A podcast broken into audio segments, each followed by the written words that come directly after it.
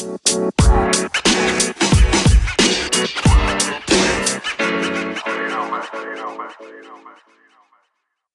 halo, balik lagi bersama dengan gua Ray di Nobi Talks, ngobrol santai seputar kripto bareng narasumber yang kece-kece. Nah, di episode kali ini gua bakal ngomongin lanjutin dari series yang sebelumnya kita udah ngomongin apa itu DeFi. Kali ini kita akan lebih spesifik sama sesuatu yang bisa dibilang ini juga ini yang bikin tren DeFi ini semakin naik sih. Ya namanya juga mungkin semua kalian udah pada dengar, yaitu kita akan ngebahas tentang yield farming. Nah, kali ini pembicara yang akan menemani gue itu nggak seru banget lah, nggak bakal kalah serunya dengan pembicara-pembicara sebelumnya. Nah, kali ini aku ditemenin sama Bapak, ayo siapa ayo? Bapak Dani Taniwan, founder of Crypto Watch. Halo Pak, apa kabar? Halo, halo, baik, baik. Gimana nih? Sebelumnya saya mau nanya dulu nih, karena kan ini lagi PSBB ya. kan. Gimana nih ya. Pak? PSBB ngapain aja? Ah, di rumah aja di rumah aja ya. Gak ke mana-mana, iya di rumah aja. Ngikutin arahan Ikutin ya. peraturan. Ya. Iya betul. Iya dong. Gak boleh bantu-bantu kan. nah, iya iya betul. Saya mau langsung to the point aja nih Pak. Ini ya, tuh okay. kan emang lagi panas-panasnya ya dibahas di mana-mana ya kayak Coin Telegraph ya, ya, ngebahas ya. ini gitu. hmm. gitu. Dan saya tuh no clue sebenarnya ini apa. Jadi mungkin bisa dibantu Pak. Yield farming Pak. Hmm. Mungkin bisa dibantu. Apa sih sebenarnya yield farming itu dalam bahasa manusianya lah? Yield farming itu ya sebenarnya sih seperti ya deposito ya. Jadi gampangnya itu ya kita menaruh duit untuk mengharapin bunga gitu. Nah itu simpelnya. Nah biasanya itu yield farming itu uh, ada dua sih sebenarnya ada yield farming satu lagi liquidity mining. Hmm. Nah, tapi yield farming itu lebih kesimpelnya kalau kamu tahu ada platform seperti uh, Compound, AAV oh, yes. yang untuk lending dan borrowing ya. Jadi, hmm. uh, nah itu sebenarnya yang paling simple sih sebenarnya uh, paling simple untuk menjelaskan yield farming. Jadi uh, kita itu bisa menjadi lender. Jadi kita itu bisa punya aset Ethereum, hmm. kita punya aset DAI atau USDT. Nah, kita itu bisa mendepositkan uh, menjadi lender di sana. Jadi um, uh, kita itu bisa seperti um, menjaminkan atau mendepositkan uh, aset kita itu untuk mendapatkan bunga. Iya. Yeah. Jadi, nah itu seperti bank, uh, kompon itu seperti bank, tapi ya secara decentralized.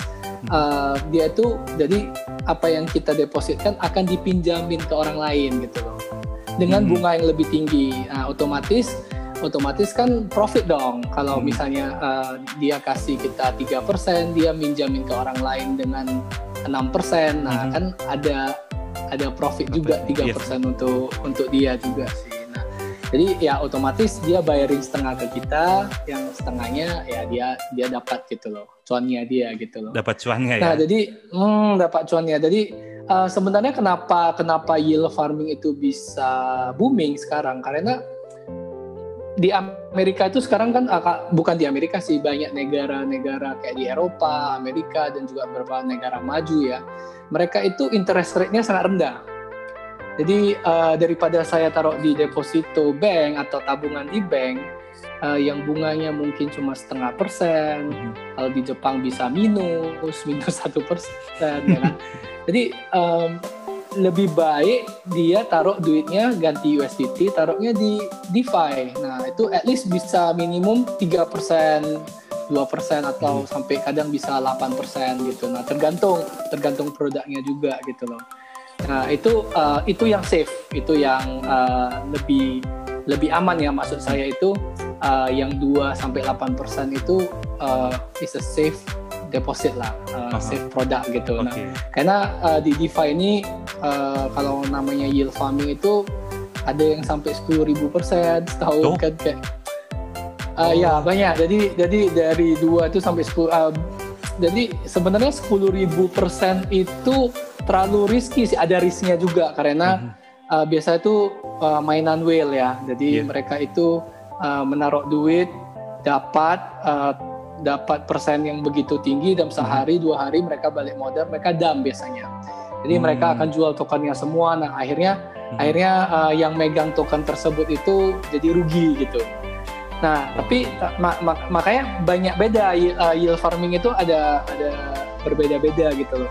Ada yang uh, yield farming itu uh, kayak kayak compound tadi saya bilang hmm. itu biasanya rendah AAV juga kan banyak aset dia kan hmm. uh, nah itu biasanya berkisar cuma 2 sampai 8 persen nah, hmm. kalau ada yang pakai namanya Yen ya pasti tahu YFI ya YFI tahu ya yang ya, paling tahu sekarang iya. itu uh -uh. yang tokennya bisa sampai 500 juta di atas Bitcoin iya jauh nah, banget itu, itu Ah, itu sebenarnya itu sebenarnya token governance, jadi no value actually, tapi orang spekulasi sampai setinggi itu. Nah, Yearn sendiri itu adalah yield optimizer robot. Jadi yield hmm. optimizer robot ini artinya gini, uh, di Ethereum itu kan banyak ini ya, uh, banyak protokol seperti hmm. Compound, AAV, Maker dan yang lain-lain. Yes, yes. Itu mereka kan punya pool sendiri dan punya hmm. Uh, percentage yield sendiri gitu loh, hmm. tergantung market uh, market mereka. Nah, hmm. jadi uh, si Yi Finance ini, Yearn ini dia itu mempermudah kita gitu loh. Jadi jadi kalau misalnya saya punya USDT, saya taruh di compound hari ini 4%, besok dia mungkin turun jadi 2%. Nah, hmm.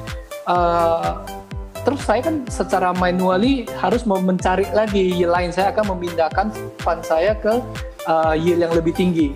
Betul. Uh, betul. Mungkin yang uh, mungkin oh ini ada 6% nih di maker. Oke, okay, saya ke maker 6% nih hari ini. Yeah.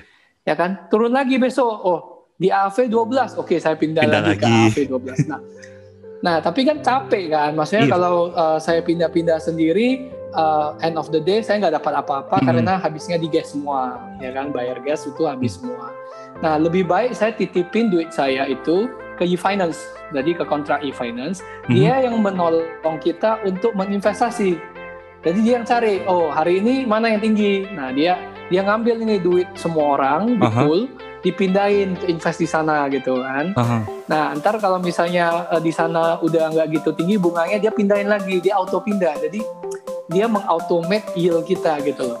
Oh, Jadi bisa dia di mencari. Dia akan automate ke bisa. interest yang paling tinggi berarti. Iya, iya betul betul, ya. Jadi Ian ini engine-nya itu dia itu mengautomate fund kita itu cari yield yang terbagus gitu loh. Jadi dia dia uh, membantu kita untuk earn more hmm. gitu loh. Nah, oh. Jadi nggak usah, jadi kita nggak usah pusing lagi, kita nggak usah tiap hari cekin, eh bunga ini hari ini turun ya, aduh mesti gue pindahin nih. ah, tapi ada orang yang ada orang yang don't care lah, Allah cuma beda besok juga akan naik hmm. lagi misalnya. Karena karena yield ini biasanya itu hmm. tidak di set sama siapa-siapa, itu berdasarkan market. Hmm, jadi berdasarkan yeah. lender sama borrower gitu. Nah jadi hmm. uh, itu tergantung market di adjust sendiri gitu loh. Nah, jadi uh, oh. kita harus uh, kalau kita itu memakai Yearn itu untuk membantu kita mempermudah kita untuk mencari yield yang bagus gitu. Yes, yes, yes. Itu helpful banget sih pasti buat semua orang. Tapi ya, berarti ya. kalau kita ngomongin yield farming kan tadi berarti ada banyak uh, pilihan, banyak ada banyak opsi yield farming betul, dari betul, yang betul, betul. minimum hmm. risk sampai yang maksimum risk gitu. Tapi high risk, yang high, yang risk, high risk ya. ya, yang high risk. Tapi kalau kita ngomongin gitu, berarti ini tuh nggak cocok untuk pemula kali ya? Bisa disebut gitu nggak sih pak? Atau uh, memang betul. Nah sebenarnya DeFi ini dibuat itu untuk uh, ekosistem bukan ekosistem ya untuk uh, komunitas developernya kripto sih sebenarnya. Oh oke okay, ya uh, bukan bukan DeFi tapi uh, gigs finance kalau cocoknya jadi uh, lebih ke gigs finance. Jadi untuk untuk nerdy, untuk orang yang suka teknologi gitu, yang yang yang developer developer gitu. Jadi hmm. sebenarnya uh, karena kenapa? Kenapa saya saya bilang ini bukan untuk orang awam atau untuk pemula? Hmm. Uh, karena ini kan semua ini smart contract ya.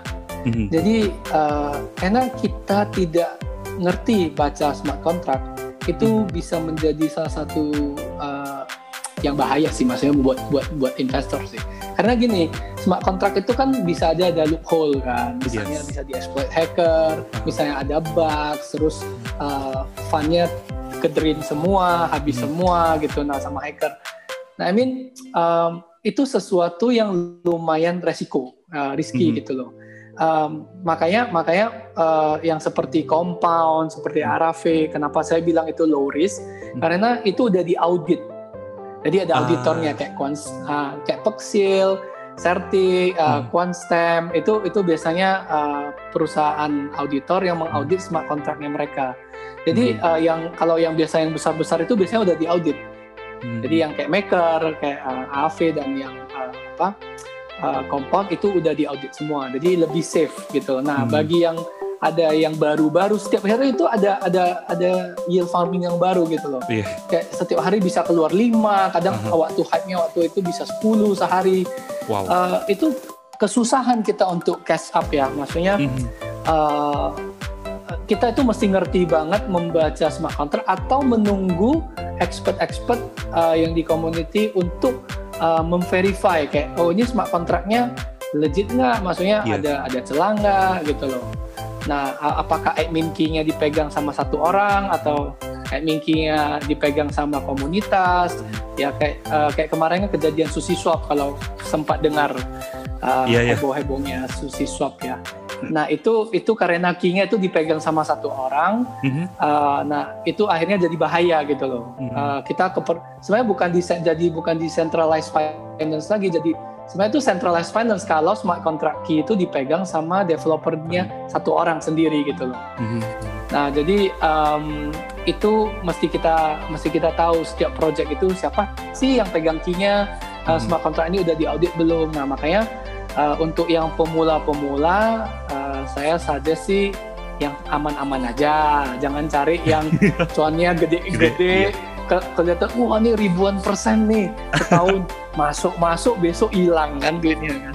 Tapi masalahnya kan Ya, orang itu- Indonesia gampang banget, Pak. Kayak ngelihat ngelihat persentasenya gede, ya udahlah langsung masuk, ya udahlah langsung masuk gitu. Iya, s- sebenarnya semua orang sih. Kalau awal-awalnya, iya. Saya dulu pertama juga uh, experience juga ya. Uh, saya juga tertarik sama uh, namanya sashimi swap kemarin. Jadi setelah Oh, iya. sushi swap ada sashimi kan. Ya itu heboh banget Jadi yang sushi waktu sashimi. uh, ya setelah saya melihat sashimi dia tuh menawarkan pada saat itu hari pertama kalau nggak salah Aha. empat puluh ribu persen. Oh, oh, oke. Lu bayangin setahun. 40 ribu persen setahun berarti seharinya coba ya coba saya track dulu ya Iya, iya, boleh, boleh.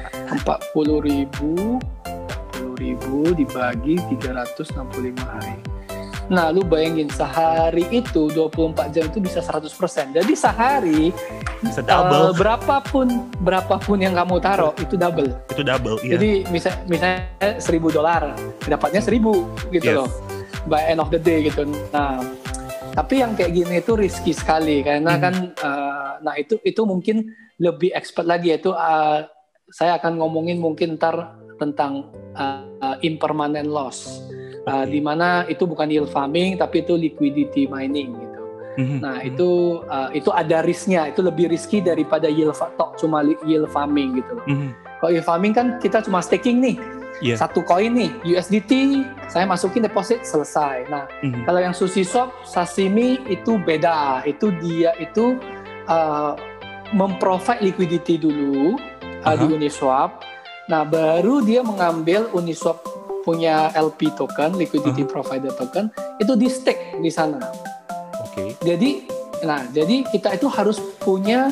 uh, jadi kalau kita buat liquidity provider itu kita harus punya tokennya. Jadi uh, tokennya itu bisa antara uh, misalnya sashimi dengan Ethereum. Jadi dia harus ada dua token. Jadi biar orang bisa trading antara sashimi dan Ethereum atau sushi sama Ethereum gitu. Nah, jadi kita harus provide setengah-setengah. Jadi kalau Hmm. misalnya kita mau invest 1000 dolar, Hmm. itu harus beli 500 Ethereum, 500-nya sashimi. Lo, Nah, setelah beli dua, nah, setelah beli dua token itu, nah kita menjadi kita supply dua token ini ke Uniswap. Ke Mhm. Uniswap dulu nih liquidity pool-nya. Oh, Iya, liquidity Kita pool. masukin ini 50-50 asetnya nih ke dalam. Aha. Nah, habis itu Uniswap akan kasih kita satu token diganti. Nah, karena kamu memprovide uh, liquidity, Oke. kita gantiin satu token ini uh, untuk pegangan kamu. Jadi Aha. token ini uh, harus dibalikin supaya kamu bisa ambil balik liquidity kamu Mhm. Ethereum dan sashimi-nya gitu. Mhm.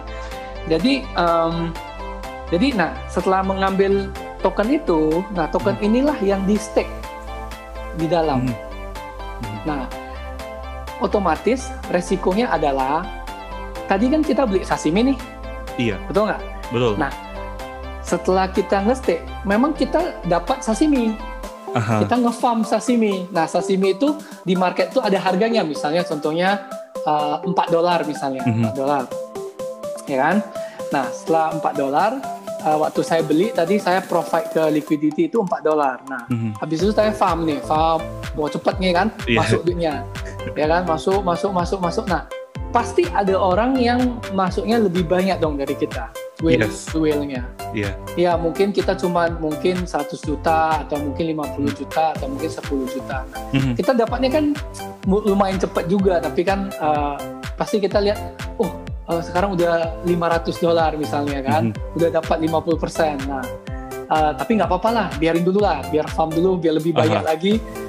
Habis itu lebih profitnya lebih banyak kan. Nah, Nah, itu sebenarnya ada orang yang farm lebih banyak dari kita, yang lebih awal dari kita, Mhm. itu biasanya mereka tuh dump tokennya. Jadi take profit. Setelah mereka dapat profitnya, itu langsung withdraw.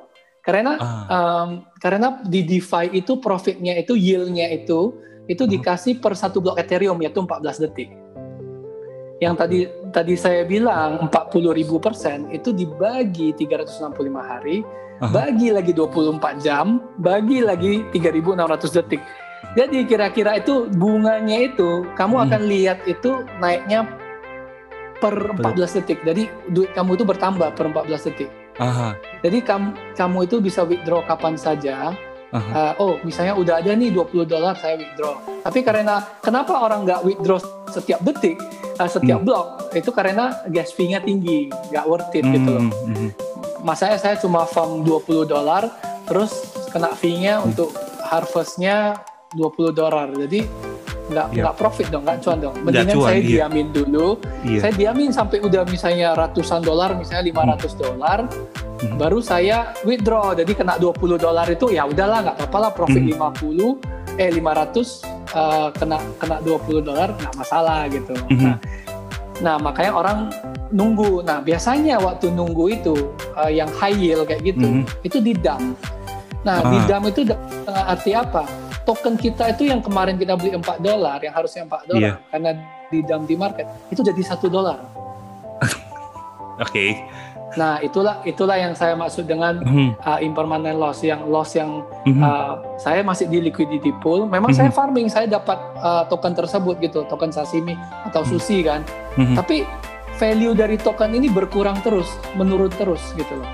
Iya Karena kan? di luar itu udah udah didam orang gitu loh. Iya, udah didam sama Didam well-wellnya orang. semua. Ya, nah Iya. makanya yang biasanya yang high yield kayak gitu, makanya saya bilang itu high risk sekali. Mhm, Jangan uh, jangan sekali-sekali melihat wah ini tinggi ya, mhm. ah saya ikutlah gitu, wah selesai gitu. Iya. Nah, nah kalau yang yang safe ya itu yang saya bilang di compound atau di uh, saving rate gitu DSR itu uh, yang mungkin 7% ya udah saya taruh di sana stake di sana DAI kan nggak nggak berubah-ubah satu dolar ya tetap satu dolar gitu kan Yes, betul betul. ya lebih baik sih farm sesuatu itu kalau bisa tuh stable coin. Stable coin. Mhm. ya stable coin kayak USDT USDC atau DAI gitu supaya tidak terjadi loss kalau misalnya uh, token kita itu di dump gitu Yes, yes. ya Oh, berarti kalau kayak kayak yang tadi kayak Uniswap gitu, berarti itu mereka to- tokennya oh ya bukan stable coin ya karena Ethereum. Misalnya tadi contohnya Ethereum sama bukan bukan Sashimi bukan gitu ya ya. ya ada Uh, ada beberapa pool yang uh, seperti USDT USDC misalnya mereka kan Mhm. ada pool yang begitu ya Mhm. jadi kayak di Curve itu ke finance kalau tahu itu kayak un- uh, kayak Uniswap Dex juga tapi dia khusus stable coin Oh, oke. Jadi, Uh, jadi semua yang di listing itu cuma stablecoin, tidak ada koin-koin kayak yang volatile gitu, kayak Ethereum gitu nggak ada gitu, atau Bitcoin tuh nggak ada. Nah Oh. itu lebih uh, lebih ke stablecoin. Nah biasanya kita cari pool yang lebih safe itu yang uh, single pool, yang single uh, single coin gitu. Karena karena kalau double coin itu susah. Kalau misal salah satu drop aja kita itu pusing gitu loh. Misal Yes. contohnya tadi saya bilang Susi sama Ethereum. Susinya nggak drop, tapi kalau Ethereum drop uh, sama aja. Itu kita juga loss di sana gitu loh. Hmm. Tapi kan uh, kita belum liquid, uh, kita belum cairin poolnya kan. Yeah, Itu yeah. cuman im- makanya namanya impermanen. Jadi impermanen itu kita belum benar-benar loss, tapi ya kita nunggu kalau misalnya mau nunggu Ethereum naik lagi harganya seimbang baru kita jual gitu loh. Kita Iya. kita kita keluar dari pool gitu loh. Oh, tapi Ya, kayak sebenarnya dari Hmm, se- sebenarnya dari pool sendiri itu bisa dapat profit yang namanya yang tadi saya bilang liquidity mining ya. Iya. Kita provide liquidity itu dapat trading fee. Mhm. Jadi Oke. orang trading di dalam itu 0.3 uh, itu dibagi ke semua yang yang supply pool tersebut. Jadi Hmm. misalnya kamu mensupply juga pool yang sama dengan saya gitu kan. Nah Mhm. orang trading di sana orang beli dan jual misalnya tadi saya bilang sus susi sama Ethereum. Nah Hmm. setiap orang menjual beli otomatis ada kan di charge 0,3 trading fee. Nah Iya. 0,3 itu dibagi rata ke semua orang yang memprovide pool itu. Oh, oke. Banyak banget ya Nah. peluang untungnya ya. iya, jadi as a liquidity my uh, liquidity mining Hmm. itu bisa kayak di Balancer, ya Hmm. bisa di Uniswap, bisa di Dodo, bisa di uh, di Curve, di Hmm. beberapa uh, beberapa DEX itu kita bisa jadi liquidity provider. Nah, Ah. makanya uh, makanya kemarin kan SushiSwap itu mengambil tokennya Uniswap untuk di stake di tempat dia dikasih Sushi. Karena dia mau mengambil liquidity Uniswap pindah ke SushiSwap. Nah, jadi jadi akhirnya Uniswap ya oh karena kalau kayak gitu saya buat aja kasih Hmm. token Uni sendiri Iya. yang hype itu loh satu orang dapat 400 Uni itu Ih, yang kemarin. Gila sih. Nah, jadi akhirnya akhirnya gini aja daripada token lu itu lu pindahin ke Sushi, mendingan lu taruh di tempat saya aja. Mhm. Saya kasih lu Uni. benar, lu benar. jangan taruh, lu jangan ngambil uh, liquidity token ini pindah ke orang lain Lain. gitu loh. Jangan gitu, jangan kasih Mhm. ke orang lain. Nah, kamu uh, kamu di tempat kita aja gitu nge-farmingnya. Jadi Mhm. jadi di Uniswap sekarang itu bisa jadi liquidity mining dapat Hmm. 0,3% trading fee, terus bisa dapat uh, percentage dari poolnya, providernya. Jadi Mhm. yield yieldnya gitu. Uh. Yieldnya itu dalam bentuk dalam bentuk uni uni token gitu. Oh, yieldnya dalam Ya. bentuk unit token ya. Tapi Ya, yu- tapi, tapi unit kalau tokennya tadi- sendiri kan volatile kan pak harganya. Betul, karena unit token itu sebenarnya no value, nol value-nya. Uh, Mhm. Itu dikasih ke kalian, tapi kan tetap aja ada orang yang spekulasi secondary market yang uh, Mhm. mencoba untuk menjual atau membeli. Mereka spekulasi, ih ini Mhm. ada yang jual nih. Orang yang males farming, aduh ribet banget nih. Gue mau farming lagi, buat liquidity pool lagi, mau nge-stake Mhm. lagi. Ah, enggak, gue nggak ngerti lah. Yang penting ini ada di exchange sekarang, gue beli, Mhm. gue pegang. Kalau naik harganya dua kali lipat, saya jual gitu. Iya. Nah itu itu untuk trader. Jadi biasanya itu uh, trader-trader itu tidak ngerti DeFi-nya, tapi Mhm. trader itu berspekulasi kan. Oh Yes. ini kayaknya hype ini.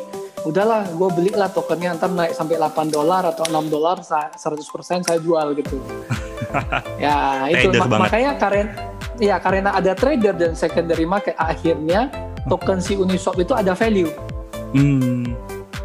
Nah, kalau tidak dibegituin, itu tidak ada value karena itu dicetak secara gratis, dibagi ke semua uh, liquidity provider, Yes. ya, atau atau ke semua user yang pernah pakai Uniswap at least satu kali, Mhm. ya kan? Kan itu kan dibagi semua itu, jadi dibagi ke semua orang gitu. Nah, itu kan tanpa harus itu pre-mine, itu tanpa harus saya mengeluarkan duit atau membeli Mhm. kan.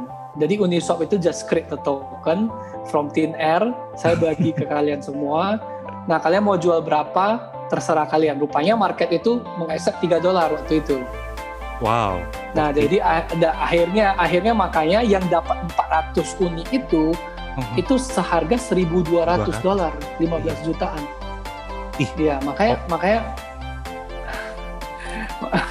makanya makanya ini sesuatu yang uh, kemarin sampai hype banget itu Iya. uh, ya semua orang kayak pada wah ini Mhm. saya dapat nggak ya saya coba cari-cari lagi uh, wallet saya connect lagi ke Uniswap mana tahu saya dapat Uni juga kan Yes, yes, benar. ya benar, saya saya sendiri nggak dapat saya sendiri nggak dapat Oh, nggak karena dapat. sebelum tanggal uh, sebelum tanggal kalau nggak salah itu di Snapchat itu sebelum tanggal 1 September itu waktu itu jadi Hmm. kan saya pakai Uniswap itu setelah 1 September kalau nggak salah. Ya Tapi itu kan berarti uh, ini juga berarti yang tadi aku juga sempat nangkep kan kayak ini kan permainan yang kayak kalau yang whale whale-nya ngedam maka bakal bakal rugi banget kan karena pasti harganya kan jatuh banget kan dari si token-token itu kan. Kalau hmm, tapi gini, tapi gini kalau kalau saya hasil farming saya hmm. nggak hmm. masalah. Okay. Karena itu saya tidak saya tidak membeli token itu. Lu mau dam sampai berapa nggak ada urusan sama saya. Cuma saya dapat lebih dikit aja. Oke. Okay. Jadi karena kan gini, segala sesuatu yang saya mining itu kan no value gitu loh. Jadi mm uh, saya mengharapkan itu ada value. Oke, okay, sekarang nilainya 3 dolar. Oke. Okay. Mm Tapi kan bisa aja bisa aja uh, saya spekulasi, ah udahlah, saya yang saya farm ini uh, saya tinggalin aja dulu. Mungkin mm uh, seminggu depan atau sebulan depan saya baru jual. Mm Nah, tapi sebulan itu saya nggak tahu harganya apakah bisa naik jadi 10 dolar atau bisa jadi 0,1. Betul. We, we don't know, we don't know. Nah, jadi orang biasanya kalau yang nggak mau take risk itu mereka akan jualin terus gitu setiap 12 jam atau kalau saya tuh setiap gas lagi murah saya akan jual gitu loh.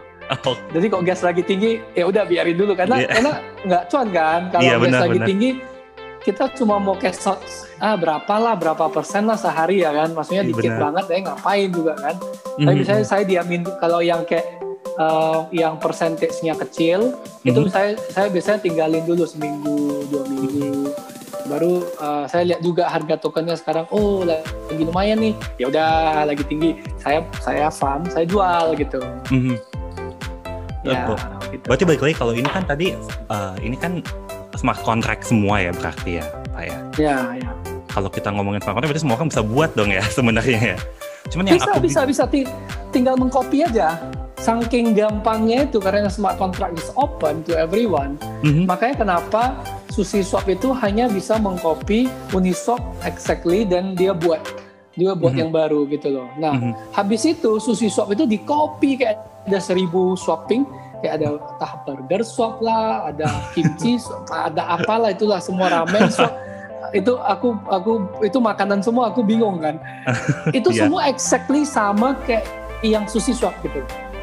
Exactly sama, cuma ya di copy, di copy paste dan buat website baru dan akhirnya cuma diganti-ganti dikit aja sih. Ada yang pakai gimmick tah uh, dikasih apa gitu kan, uh-huh. ditinggiin lah persentasenya atau hmm. gimana. Nah, itu itu ada ada gimmicknya. Nah, itu sebenarnya di copy mentah-mentah 100%. Hmm.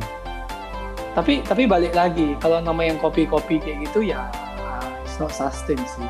Tetap yang the number one ya Iya, yang pertama originalnya. Yang, yang originalnya yang pasti tetap bertahan. Balik lagi. Iya. Iya, originalnya pasti tetap bertahan. Ya, kecuali kecuali kecuali yang yang kedua hmm. itu benar-benar setelah mengcopy itu dia berinovasi. Dia wah banyak yang dia hmm. keluarin yang bagus-bagus. Mungkin uh, dia buat dex yang lebih bagus lagi. Nah, mungkin dia bisa survive, mungkin, mungkin dia hmm. survive or maybe bisa lebih bagus dari yang pertama. Mm-hmm. Tapi ya uh, sejauh ini uh, hasilnya sih Uniswap balik lagi sih. Tetap jadi nomor satu, malahan lebih bagus lagi, iya. malahan lebih bom lagi dia. Berarti emang Uniswap ya tetap yang original pasti tetap yang nomor satu ya Seva ya. Ya ya itu DEX yang paling paling gila sih liquidity poolnya sih, lebih paling, liquidity-nya paling banyak sih. Paling gila ya. Oke okay, iya, kalau kalau lu kita kan kuatnya sebenarnya liquidity pool punya resiko yang cukup tinggi. Gitu nggak sih Pak? Uh, li uh, liquidity pool punya resiko cukup tinggi kalau salah satu token yang kita provide itu, kita supply mm -hmm. itu turun harganya. Oke. Okay. Tapi kalau misalnya dua-duanya balance, sebenarnya nggak apa-apa. Dua, kalau dua-duanya stable coin itu don't care karena ya still one dollar kan. Iya coin. well, nggak usah yes. takut gitu. Ya. Oke oke oke. Nah ini terakhir nih Pak sebelum kita tutup nih kasih saran dong buat yang terutama buat buat orang-orang yang baru mau masuk nih yield farming gitu apakah sebaiknya mereka ya gue main di AAV aja atau di compound aja atau ya coba aja Uniswap just take risk gitu hmm. atau gimana menurut bapak nih? Hmm, menurut saya sih ya boleh sih kalau untuk awal-awal coba kan mm-hmm. uh, coba di compound coba di maker gitu kan mm-hmm. uh, tapi yieldnya nggak gitu tinggi sih menurut saya ya menurut saya uh, yang yang udah lama di DeFi kalau saya lihat yang cuma 10% ke bawah atau 20% Aduh. setahun kayaknya Nggak seksi ya Pak ya? aduh du- ta- justru saya carinya itu biasanya yang sekarang ya men- kan saya risk taker juga tapi Mhm. tapi nggak terlalu risk taker juga karena yang 10.000 persen saya udah pernah mati di sana kan Oke. udah pernah kemakan juga Eh, tapi yang menurut saya safe itu ya Mhm. seribu seribu persen bisa safe tapi udah jarang ada yang seribu Mhm. itu juga nggak gitu safe tapi yang safe itu biasanya yang 100 sampai 300 100 sampai 300 Setahun. persen Setahun. setahun. setahun setahun setahun ya jadi Oh. eh, saya carinya itu biasanya yang seratusan sampai 300an gitu tapi yang yang udah namanya seribu ke atas eh, saya udah enggak lah udah Enggak. udah I don't, I don't want to take karena saya udah tahu resikonya saya udah tahu itu pasti tokennya kedampung ya hancur-hancuran itu jadi I, I don't want to take it gitu loh karena karena gini secara logisnya Hmm. itu gampang token yang di di mine sebanyak itu maksudnya dengan persen berarti kan kalau tinggi persentasenya otomatis dia masuk ke supply kan banyak sekali kan dalam Yes, benar. sehari dalam dua hari tiga hari itu kan banyak sekali nah otomatis yang beredar di market itu banyak sekali otomatis pasti didam orang Mhm. dan value-nya pasti turun punya Iya. ya jadi mendingan saya cari yang mungkin lebih susah di main lebih susah Mhm. dapatnya yang sehari cuman mungkin dikasih berapa aja gitu nah Hmm. itu value-nya lebih terjaga dan kalau dia punya use case itu Mhm. lebih bagus lagi jadi mungkin platform ini yang saya mining ini atau saya farming ini Mhm. dia bisa generate income. Otomatis kalau dia bisa generate income, uh, kita kita tuh jelas oh berarti token ini nggak didam banget gitu loh karena dia tuh bisa generate income juga gitu loh Hmm. untuk nge-sustain harga token Betul. ini gitu. Yes. Nah jadi jadi uh, jadi otomatis uh, kita lihat produk ini good atau not gitu loh. Mhm. Nah ta- kalau sekarang yang terakhir-terakhir saya masuk ini ada namanya saya pakai komposit komposit aset jadi kayak indeks gitu. Mhm. Uh, jadi ada namanya DPI kalau kalian tahu DeFi Pulse Index Oke. itu di token sets itu jadi jadi itu kumpulan dari um, 10 atau 15 token digabung jadi satu jadi value-nya satu gitu. Oke. Jadi itu lebih safe. Nah, itu bisa di trading juga. Bisa misalnya kita lagi kemarin DeFi lagi lagi ngedam kan, lagi Mhm. lagi nge-crash. Nah, itu itu token index itu itu kayak kayak ini S&P 500 kayak IHSG gitu kan. Ah. Terus uh, iya. nah, ta- tapi itu itu composite itu gabung dari semua token kan, dari Aha. gabung dari semua saham saham gede, blue chip, terus Aha. jadi apa gitu Mhm. kan. Nah, nah itu sama di kripto juga sekarang ada yang kayak gitu. Jadi itu perkumpulan dari semua DeFi token. Mhm. Nah, habis itu saya beli token itu, saya Aha. provide liquidity mining di Aha. Uniswap. Oke. Terus saya farming, ada ada satu website yang bisa farm token index namanya, Aha. namanya index scope ya. Nah, eh, jadi itu seratusan persen, itu sekitar eh, 100, 100, 100, 120 gitu setahunnya. Nah, itu lebih lebih risknya lebih dikit. Tetap, tetap ada risknya. Kalau Mhm. kalau kalau token DeFi pada dam, Mhm. otomatis pasti pasti dam dong. Dam Tapi juga, iya. dia tuh dia tuh nggak bisa eh, kayak sampai 50% karena gini ada token yang 50% ada token yang cuma dam 3% Mhm. ada token lain yang cuma sepersen jadi dia average dia tuh nggak gitu sakit gitu loh damnya karena kan dia kan komposit ya Oh, dia dia gabung gabungan. semua ya Yes, dia gabungan. Nah, dia gabungan gitu. Jadi jadi kalau cuma satu token yang ngedrop lebih jauh, eh, yang lainnya nggak gitu jauh ya dia nggak gitu. Kan nggak mungkin ya kebetulan semua itu 10 10 atau 15 itu Iya turunnya 50%. 50%. Ya nggak mungkin sih, susah juga. I, I- I mean ya bisa bisa terjadi gitu loh di ya na- namanya altcoin atau shitcoin ya ya it, it can happens gitu loh Yes, 50% yes, yes. ya kan. Ya tapi tapi ya eh, itu itu at least lebih safe dibanding lu cuman beli satu token yang Mhm. PSD token juga small cap.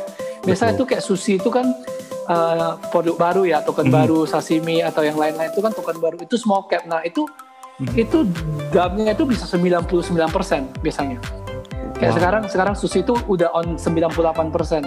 Nearly 99% udah jadi 0, berapa sen doang. 0,5 mungkin. Nah, jadi jadi I mean um, kalau yang uh, farming pakai antara stable coin Mhm. atau yang composite asset kayak gitu gitu loh.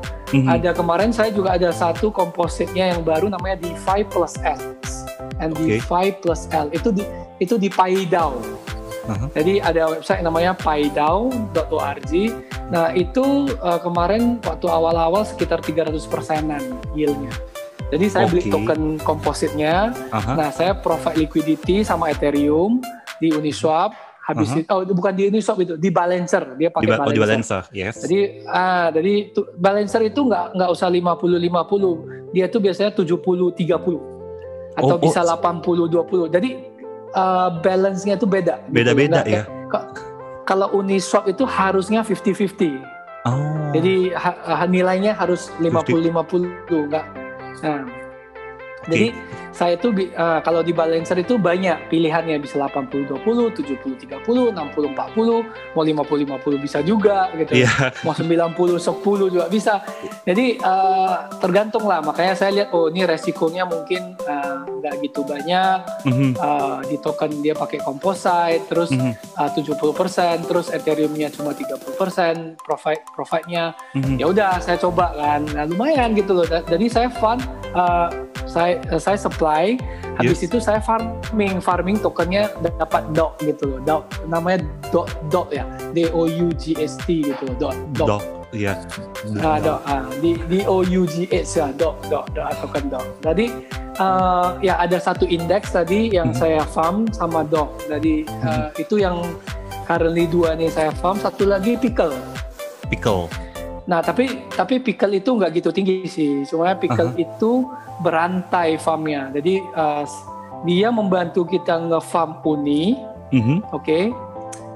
Udah nge-farm uni, kita provide lagi, uh, kita ngambil tokennya itu nge-farm pickle lagi. Jadi double jadinya. Oh. Jadi dia dia Iya. help us untuk farm uni. Uh, Jadi fa- help us untuk farm uni. Terus ngambil token dia untuk nge-farm pickle lagi. Jadi saya dapatnya sebenarnya uh, dua posisinya. Jadi saya dapat berapa persen di uni Ini. sebagai liquidity provider, Oke. uh, sebagai yield farming di Uniswap, farm uni, saya dapat pickle lagi gitu loh. Jadi tiga tiga, jadi totalnya sekitar 50 58 persen gitu. Oh, tapi dapat tiga. dapat tiga tapi Dapat- providing pool saya itu nggak Aha. pakai pickle Uh, Oh. saya pakainya uh, Ethereum DAI Ethereum. Jadi, nah, sa- sa- saya itu nggak supply Ethereum DAI di di Uniswap gitu Mhm. nah jadi habis itu saya dapat liquidity tokennya saya ngambil ke pickle stake di pickle Ah, jadi dia yang bantu kita farm farm. dia Yes. farm uni dia help us untuk farm uni oke baru dia kasih lagi satu token untuk nge untuk di stake lagi untuk farm pickle gitu loh jadi Jatuh. itu itu hebat banget sih. Itu sebenarnya pickle itu bagus banget. Saya suka banget sama produknya.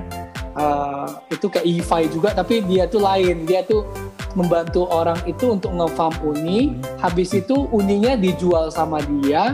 Mhm. dia profit lagi ke dia tambahin lagi ke poolnya. Jadi dia besarin kita punya modal.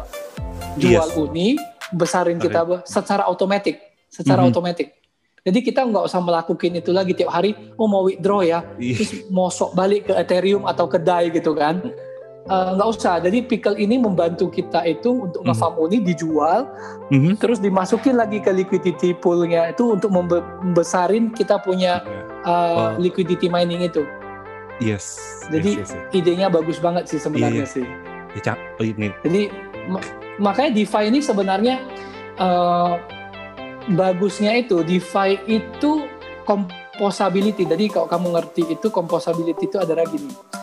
Di centralized finance itu tidak ada namanya composability. Composability itu adalah em, kamu itu bisa memakai eh, atau membangun sesuatu di atas protokol orang lain tanpa harus ada izin orang itu. Contohnya tadi pickle kan, pickle Yes. punya protokol. Nah, pickle itu bisa membantu kita itu untuk nge-liquidity, uh, nge-farm liquidity mining di Uniswap. Mhm. Dia bisa bantu kita jual uni kita, terus dimasukin lagi ke liquidity pool. Itu kan protokol lain, brand lain, Iya, iya, iya benar Kayak benar. Ian, kayak Aha. Ian Finance. Ian Finance itu kan kita titip dia duit, Hmm. tapi dia pakai duit kita itu, pool kita itu uh, di stake di compound, di Hmm. stake di MakerDAO. Nah, dia bisa cari-cari ini uh, protokol-protokol lain, dia bisa connect. Ntar kalau udah di stake di sini, oh dia bisa dapat lagi, misalnya contohnya saya stake di MakerDAO DAI, saya bisa dapat uh, di sorry di Curve. Uh, uh, di Curve itu saya bisa dapat Curve Curve DAI misalnya, Mhm. C-DAI namanya C-DAI. Nah, C-DAI token itu diambil lagi, di stake lagi di tempat lain untuk dapat yield lagi. Nah, itu banyak banget itu bisa di automate kayak uh, pindah protokol dari pindah satu ke yang lain. Nah, itu itu hebatnya smart contract sih sebenarnya sih saya bilang sih composability dari smart contract tersebut. Jadi kalau kalau cum, DeFi itu cuman protokol berdiri sendiri, itu boring, man. itu uh, terus uh, smart contract saya yang saya deploy cuma hanya dipakai sama aplikasi saya Mhm. Uh, itu kayaknya boring banget. Jadi uh, Mhm. kayak tadi Dharma ada namanya satu Dharma ya. Dharma Ya, itu Dharma. juga iya, uh, Dharma itu juga uh, satu wallet juga. Nah, itu Dharma itu bisa pakai Uniswap tapi ditambah limit order.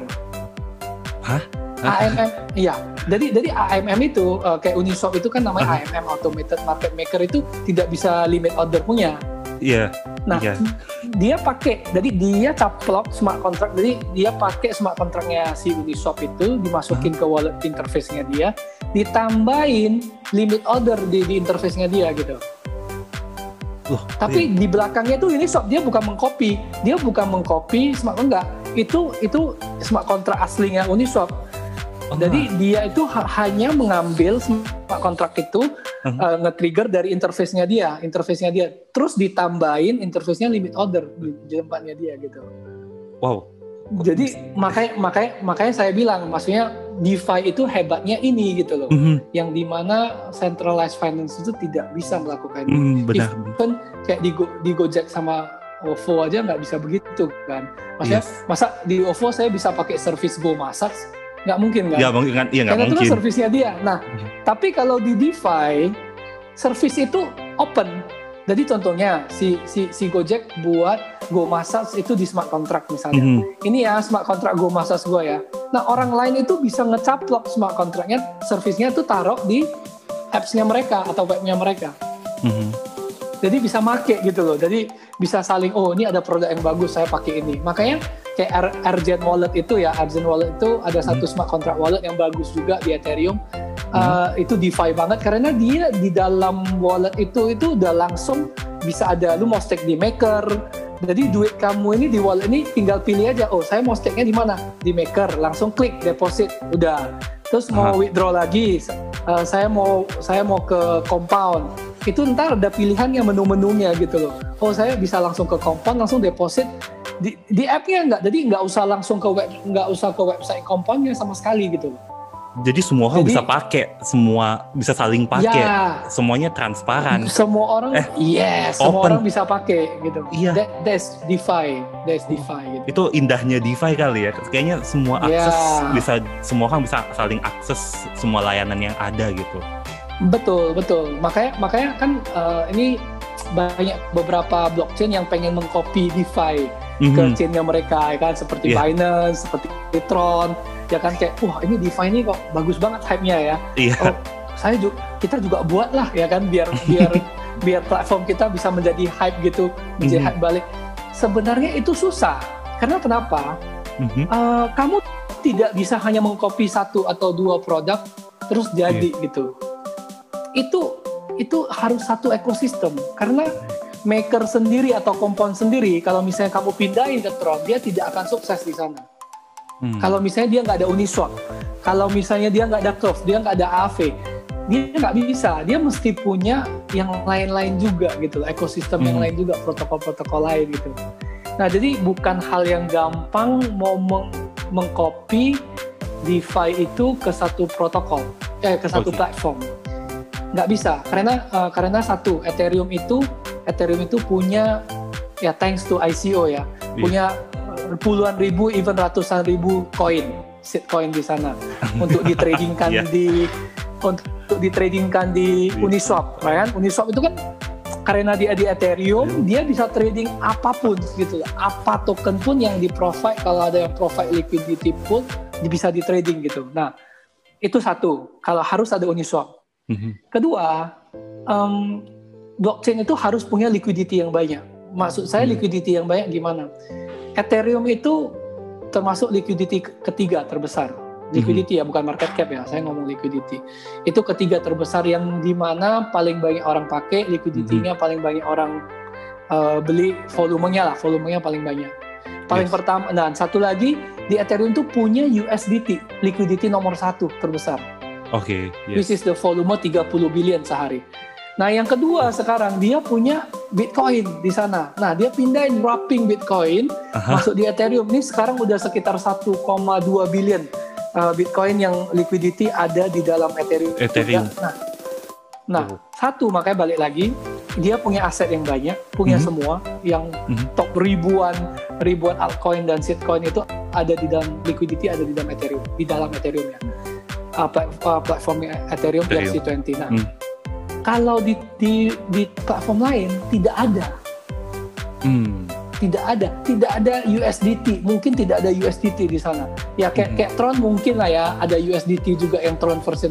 Tapi liquidity-nya nggak gitu banyak. Orang itu Tron uh, USDT itu lebih banyak di Ethereum.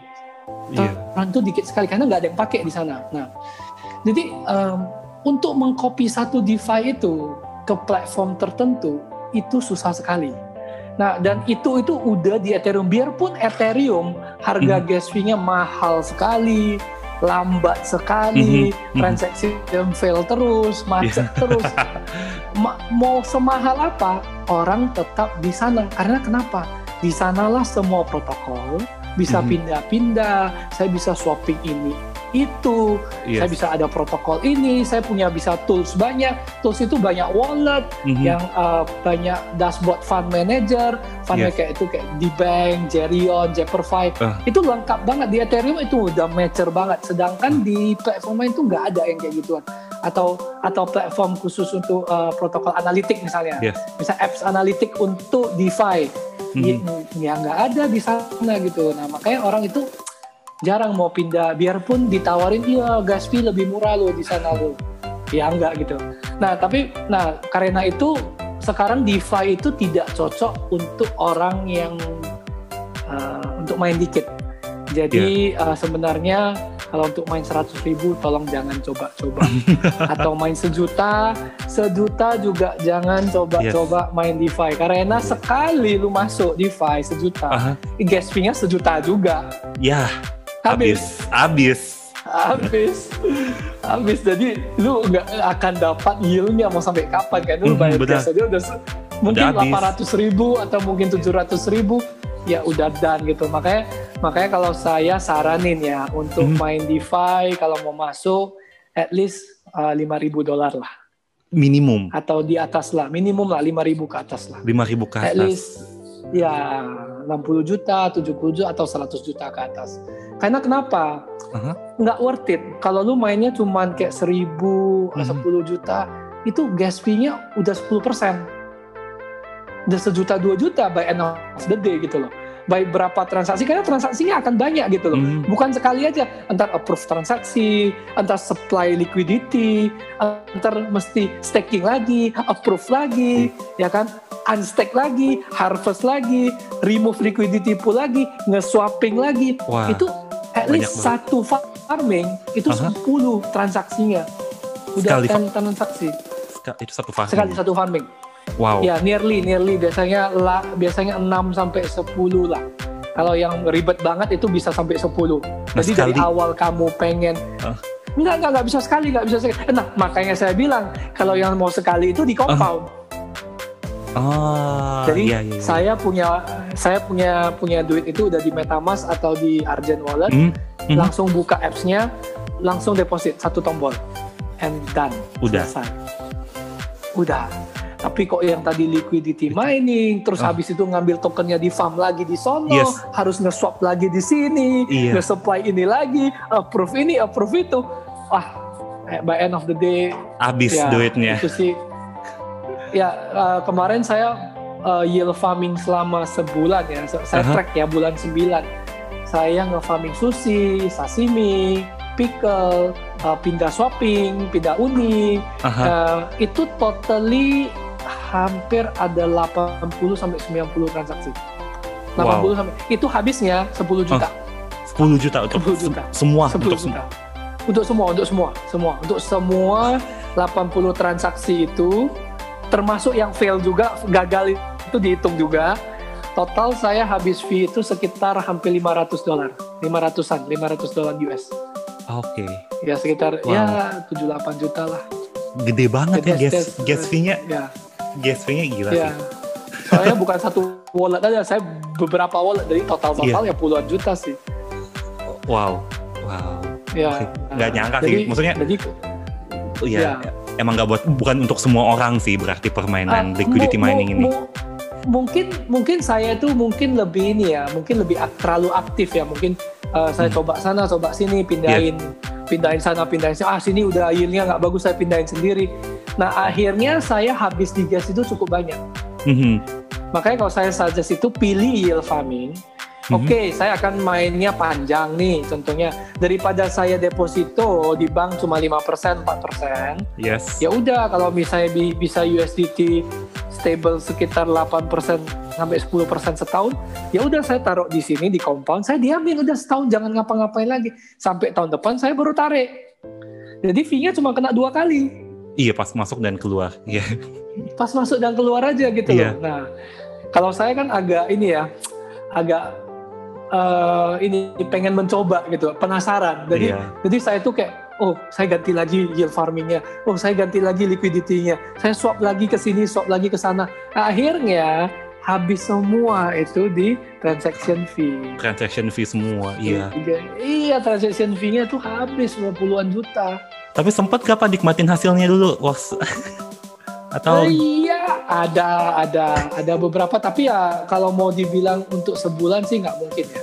Maksudnya Hmm. sebulan itu uh, you cannot be profit lah ya ini sebulan. Mhm. Tapi uh, kalau saya nih masih dalam keadaan loss sih kalau saya bilang aja karena karena kemarin saya loss banyak di sashimi. Itu asli loss sekitar 80% uh, Aduh. sekitar 80 persenan. Ya itu tapi ya udahlah uh, duit belajar lah. duit belajar tapi sakit juga ya 80% ya. Ya sakit dulu tapi tapi ya it's fun sih sebenarnya Mhm. Eh, justru saya saya udah udah experience itu saya bisa berbagi ke yang lain-lain. yes, yes. Jangan mela jangan melakuin apa yang saya lakuin kemarin kesalahan yang saya lakuin jangan di- diulang lagi gitu loh. Ya Iya. udah ja- kalau yang 10.000 ribu persen lupain Udah nggak usah nggak usah. ya kan. Jangan coba-coba lah. nggak usah lah. Jangan lah. Nggak Udah yang aman-aman aja lah. Iya. Setahun 20 persen, 30 sampai Iya. 100 persen. 100 persen masih oke, oke. Kalau di DeFi itu 100 persen tuh termasuk uh, normal, termasuk low sih sebenarnya. 100% termasuk low. Kalau low, low. Sebenarnya termasuk low banget. Di bawah 100 persen tuh low banget. oh, Jadi biasanya yang itu yang moderate itu biasanya 100 sampai 1000. Yang gila itu 10.000 ribu ke Iya. atas. Ya itu udah ya, itu udah ris- risky banget sih, udah high risk banget sih pak. Iya, Oh, oke, iya. oke. Itu risky. Ya, hati-hati. Oh berarti yang stable stable coin, tapi yang untuk yang stable stable coin juga mereka Ada, ada on, bisa. on average berapa persen pak? Eh, stable stable ya coba gua cek dulu ya nih sekarang. Saya coba lihat platformnya. Dibukain contekan. Ya compound. Coba kita lihat ke compound dulu. Compound.finance. Compound.finance itu itu berubah-ubah. Soalnya dia tuh setiap hari itu beda-beda. Mhm. Kan dia itu automated ya. Jadi kita itu Hmm. nggak bisa eh, nggak bisa patokannya itu itu itu berapa gitu. Mhm. Nah sekarang itu kalau namanya DAI itu di 3%. Oke. uh, USDT di 4%. Mhm. Nah, ini ada token BTC, oh BTC rendah banget 0,09%. Oh, rendah banget BTC. Biasanya bias- biasanya kayak gitu rendah-rendah soalnya nggak ada yang mau minjam BTC, Oh, Oke. nggak ada yang mau minjam. Mhm. Ya, biasanya orang mau deposit uh, tapi nggak ada yang mau minjam, jadi dia nggak dia nggak bisa kasih bunga yang tinggi. Biasanya orang Mhm. minjam itu adalah ngedeposit Ethereum minjamnya DAI. Depositnya Untuk- Ethereum, minjemnya DAI. Ya, jadi gini, contohnya saya uh, saya bullish Ethereum akan naik misalnya. Oke. Mungkin tahun depan uh, mungkin tahun depan bisa jadi 1000 dolar misalnya ya kan. Aha. Contohnya nih saya spekulasi ya. Yes. Nah, tapi saya cuma punya duit 10 juta nih. Oke. Mhm. saya beli Ethereum sekarang di harga 5 juta. Mhm. Oke? Oke, berarti saya dapat kira-kira 2 Ethereum dong, Mhm. ya kan?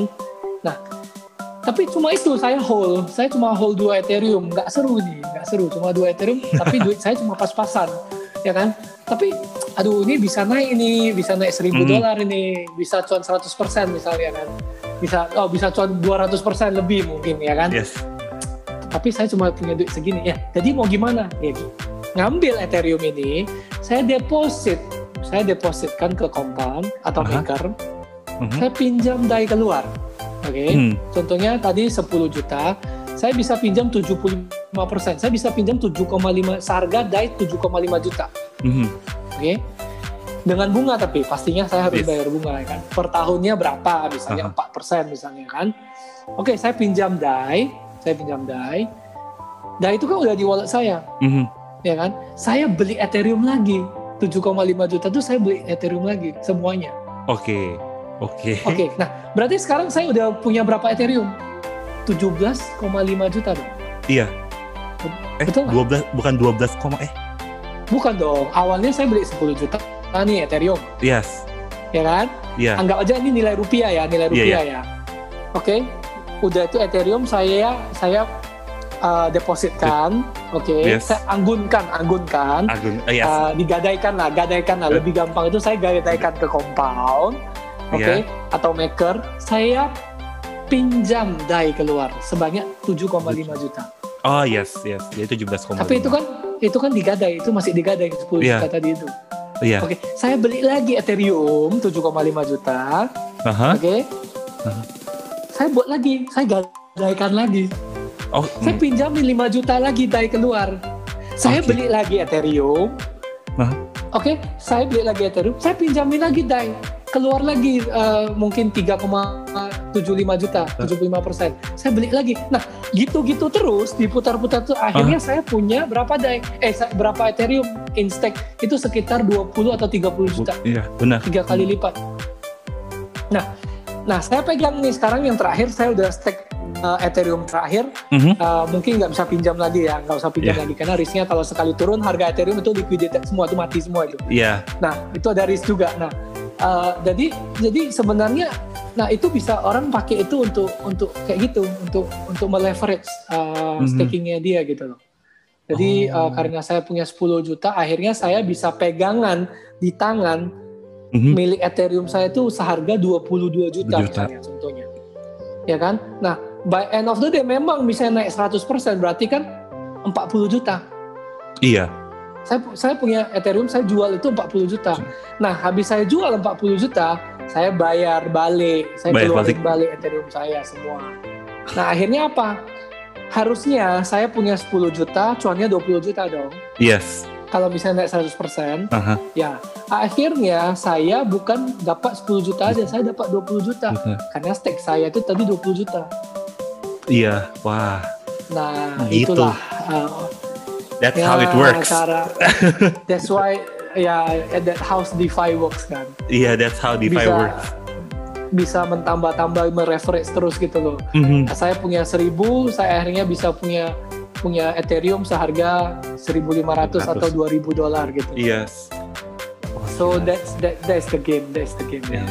That's that's the beauty kayaknya ya Pak. Makanya, makanya orang bi- bilang, loh kenapa dia bisa bayar saya 2% atau 3% dari saya Mhm. yang saya stake?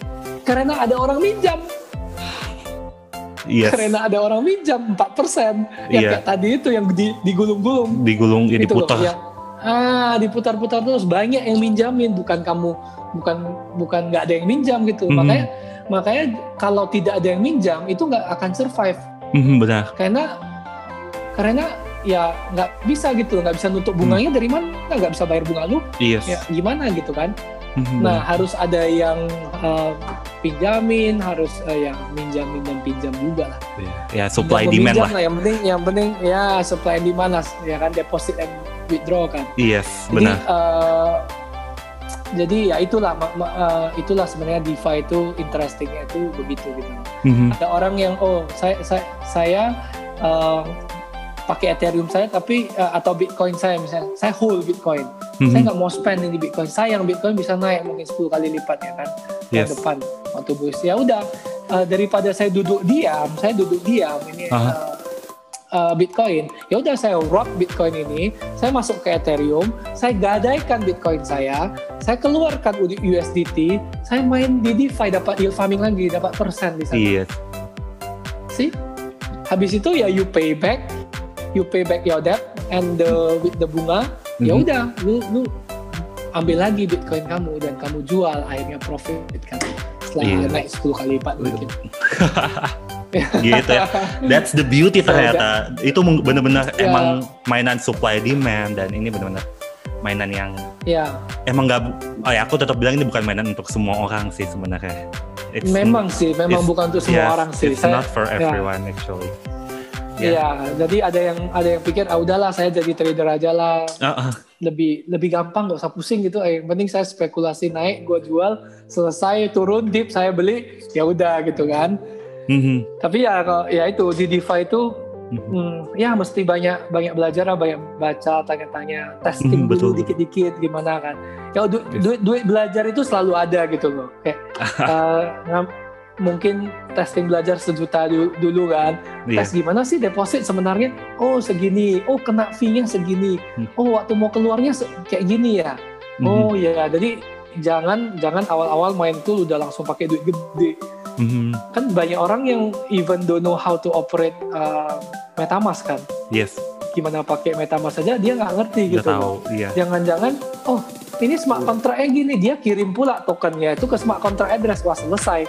Kayak Mhm. kemarin ada orang Cina kayak gitu. Orang Dang. Cina tuh kalau main DeFi itu bu- bukan dikit-dikit, mainnya itu satu satu juta dolar. Terus dikirim ke smart contract. Aduh, satu Ya. juta dolarnya bye-bye man. Ya, Karena karena smart contract Gila. itu kan nggak bisa diambil kan duitnya kan. yes. Kayak itu nggak bisa itu. Bye-bye. Ya udahlah bye. Bye lah, Bye. selesai lah tuh. Bye bye. Bye bye. Nah, bukannya ya, ya, itu orang tuh lucu. Bukannya dites dulu 100 Iya. dolar. Oh, uh, udah bisa ya. Oh, udah berarti udah jalan. Baru masukin satu juta dolar. Ini langsung Langsung pasti pasti dia itu kayak ini ya kayak eh, mau cepat-cepat gitu. Uh, ini ada yang baru nih. Cepat-cepat kita tuh Iya. dapat duit sepuluh ribu persen dikirim bukan sepuluh ribu persen mah habis nol tuh habis. langsung. Ya itulah pen- makanya. itulah buat teman-teman semua itulah pentingnya bertanya dan pentingnya Hmm. untuk membaca. Ya Pak ya. Iya, Pentingnya betul, betul, betul, betul. Pentingnya untuk tetap bergabung di komunitas yang benar gitu yang bisa saling Iya. diskusi, saling sharing.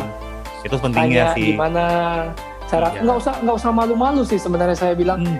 eh, biarpun kayak kayak ba- banyak sih di komunitas kripto ya sebenarnya Aha. mereka kayak oh aduh pengen tanya tapi ntar kelihatan ntar orang bilang gue bodoh pula ya kan Iya iya iya. Iya.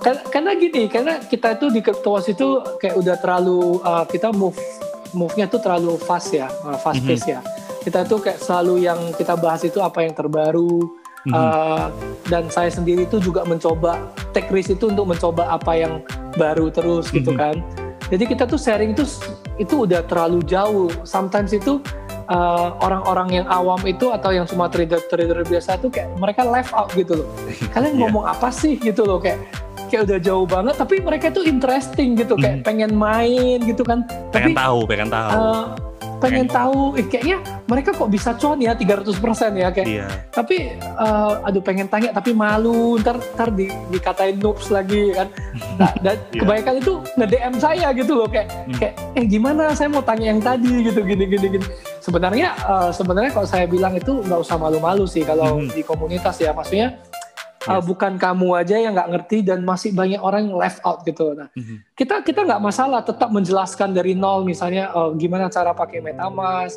gimana Mhm. cara nge-stake di compound, misalnya cara cara uh, apa nge-swap nge-swap di di Uniswap gitu kan, Mhm. cara memakai DEX atau atau membuat liquidity pool Iya. Uh, kita tuh tetap akan ajarin gitu loh nggak apa-apa jadi jadi kenapa saya bilang di komunitas saja supaya orang lain bisa melihat lagi membaca ulang lagi gitu loh Mhm, benar. step by stepnya gitu loh. Nah, jadi kalau nggak ada orang yang tanya lagi di publik, semuanya DM DM-an, Ya, ya akhirnya yang yang di publik kita itu yang yang advance advance semua yang yang Iya. terbaru terbaru yang udah Iya. jadi yang yang pemula itu jadi bingung bacanya kan Hmm, ini bener, ini tah udah ke mana-mana ini ini jalannya udah tak ke mana-mana Iya. gitu kan bahasannya udah jauh banget gitu Tapi kan orang ya Indonesia bertanya mostly, lah bertanya lah iya orang Indonesia kan emang mostly gitu ya Pak. Maksudnya habitnya malu ya nggak gitu. apa-apa sih maksudnya ya nggak apa-apa sih ya sebenarnya tanya aja nggak apa-apa Iya, sih benar. kita benar. juga nggak bilang oh terus tanya ini oh ini nopi nih Nggak, nggak- nggak. kem- Gak ya, dijudge nggak- juga, gak dijudge juga di komunitas. Ya, enggak, enggak. Ya, betul. Tanya aja nggak apa-apa daripada Yes, diam-diam betul, betul. tes tes sendiri malahan rugi lagi kan. Betul, betul. Mendingan ya kan kalau kita guide kan kita bisa kasih tahu, eh ntar setelah ini mesti gini loh, mesti Mm. kena fee segitu gitu. Nah kan kita Yes. bisa kasih guidance gitu loh. Yes, yes. Ya ada setting. Oke, itu dia tadi. Thank you, thank you so much ya Pak Dani udah mau berbagi Ya, ya. sama kita soal yield farming, soal DeFi, soal komunitasnya sendiri. Nah, teman-teman semua buat yang Ya. pada mau nanya-nanya lagi sama Pak Dani nih, bisa langsung nyari di grup Telegramnya, langsung gabung aja di Crypto Watch, ya kan Pak? ya? Ya. Langsung aja Crypto Watch di at Crypto Watch ID. at Crypto Watch Ada ID, at Crypto Ya, Watch ID. sambung. Itu ada Pak Dani di situ, dia senang berbagi Ya. informasi termasuk yield farming. Belakangan saya lihat ya, Bapak sering Ya. banget nge-share soal Soalnya DeFi. banyak ya, soalnya kan ini yang paling banyak orang pengen Tahu, belajar juga. iya, ngebum pengen soalnya. main juga, pengen Iya. tahu juga, ngebum banget. Iya. Jadi kebetulan juga di di komunitas uh, kita ini yang Cryptowas Hmm. itu banyak juga orang yang uh, ikut juga di dalam maksudnya. uh, jadi kita bukan bukan saya aja sih sebenarnya yang pinter sih banyak yang pinter di dalam. Iya. Maksudnya uh, mungkin ada yang saya nggak pernah lakuin, ada yang mereka pernah lakuin. Jadi mereka bisa share juga gitu. loh. Mhm, Jadi benar, benar. saling lah, saling saling melengkapi gitu loh. Oh, benar. kamu pernah ya buat ini ya? Saya belum pernah misalnya. Nah, saya biasanya tanya, saya sendiri aja tanya ke mereka gitu loh kadang. Yes. Kayak saya juga Makanya. belajar, eh gimana itu kemarin profit liquidity poolnya. Jadi eh, ya di sini nih sebenarnya nggak ada yang pinter ya. Maksudnya Mhm, eh, ini sesuatu yang baru sekali, mhm. very very new, eh, and you cannot know everything. Betul. Jadi we learn from community, we share in Mhm. community gitu loh. Benar. Jadi ya kita saling sharing kamu pernah ini ya udah saya nggak pernah saya tanyakin gimana gitu kan. Mhm. Ntar saya coba gitu. Nah setelah saya udah ngerti orang lain yang belum pernah uh, melakuin ya mungkin saya yang bisa nge-guide selanjutnya gitu kan. Betul. Jadi selanjutnya yang gitu. Betul. Ya. Makanya tuh teman-teman jangan jangan malu untuk bertanya di komunitas ya. Oke, so thank you so much ya Pak Dani dan buat kalian Thank you, semua. thank you. Jangan lupa ya untuk kalian tetap subscribe di channel kita ini. Terus kita juga akan ada di YouTube, ada di Spotify, dan kalian juga bisa mantengin social media kita. Oke, itu aja Ya. dari kita. See you next, see you guys on my next, yes, see you on our next episode. Thank you so much Pak Oke. Dani. Bye. See you everyone. See you. Bye. See you.